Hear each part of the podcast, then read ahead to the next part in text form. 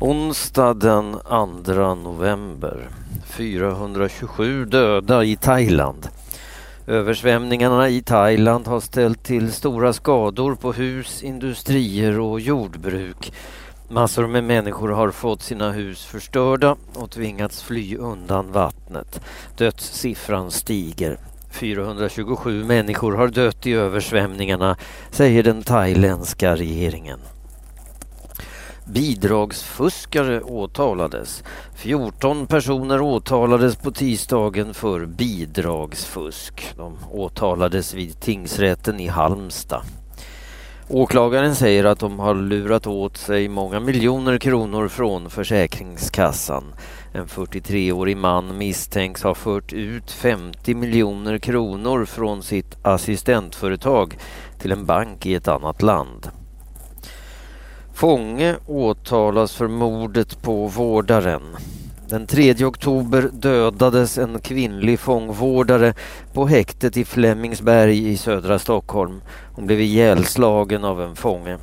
En bevakningskamera filmade mordet. Filmen visar att kvinnan får 38 slag i huvudet med en batong. På tisdagen åtalades den 28-årige fången för mord på vårdaren. Granat lämnades i polishuset.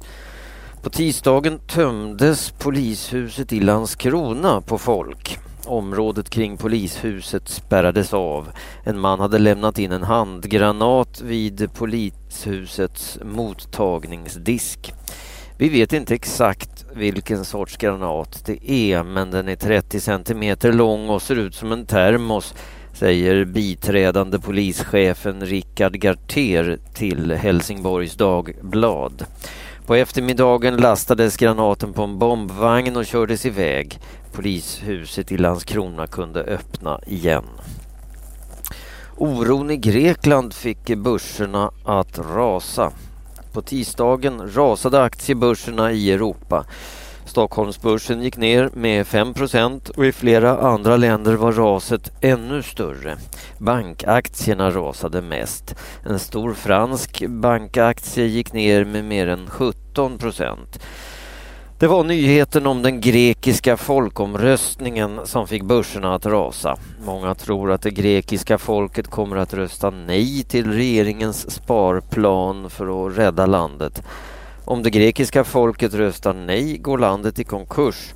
Då kan det bli ekonomiskt kaos i EU, säger experterna.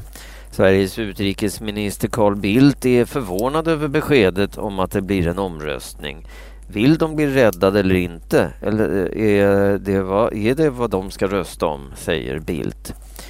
Folkomröstningen ska hållas i januari. Många experter säger att Grekland kan få slut på pengar och gå i konkurs innan folkomröstningen. Polis säger att svenskarna skulle träna rebeller. Rättegångarna mot de två svenska journalisterna Martin Schibbye och Johan Persson fortsatte på tisdagen i Etiopiens huvudstad Addis Abeba. Svenskarna är anklagade för att ha hjälpt terrorister. En eh, polisman som var med och grep svenskarna vittnade. Han sa att poliserna jagade ifatt den grupp rebeller som svenskarna åkte med. Det blev strid och poliserna dödade rebellerna. De båda svenskarna sprang därifrån men greps senare. Polismannen sa att svenskarna inte hade några vapen. Han sa att svenskarna sagt att de kommit till Etiopien för att på något sätt träna rebellerna. Svenskarna säger att de var i landet för att arbeta som journalister. Politikers löner ökar snabbare. Politikers löner ökar mer än väljarnas löner. Det visar en undersökning som nyhetsbyrån TT har gjort. I mitten av 90-talet tjänade en statsanställd i snitt 68 procent av en riksdagspolitikers lön. Idag får statstjänstemannen bara 56 procent av riksdagspolitikerns lön. En riksdagspolitiker får idag 56 000 kronor i månaden i grundlön. Med alla tillägg blir lönen i verkligheten mycket högre. Varje dag i Stockholm får en riksdagsman till exempel 110 kronor i traktamente. Gratis resor med tåg eller flyg har de också. Vänsterpartisten Lena Olsson vill att lönerna sänks. Hon tycker att de höga lönerna gör att folk litar mindre på politikerna. Tre ska leda Melodifestivalen.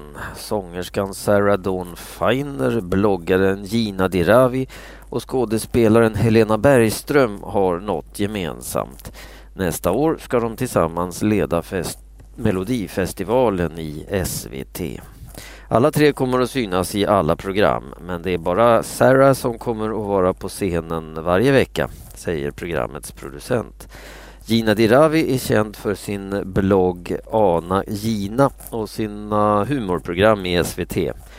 Mest eh, populär är hennes figur syster Khadidje som har heltäckande slöja. Tusentals barn skadas på dagis. Det ska vara tryggt och säkert för barnen i förskolan. Men många barn skadar sig på dagis. Det visar en granskning som tv-programmet eh, Kalla fakta har gjort.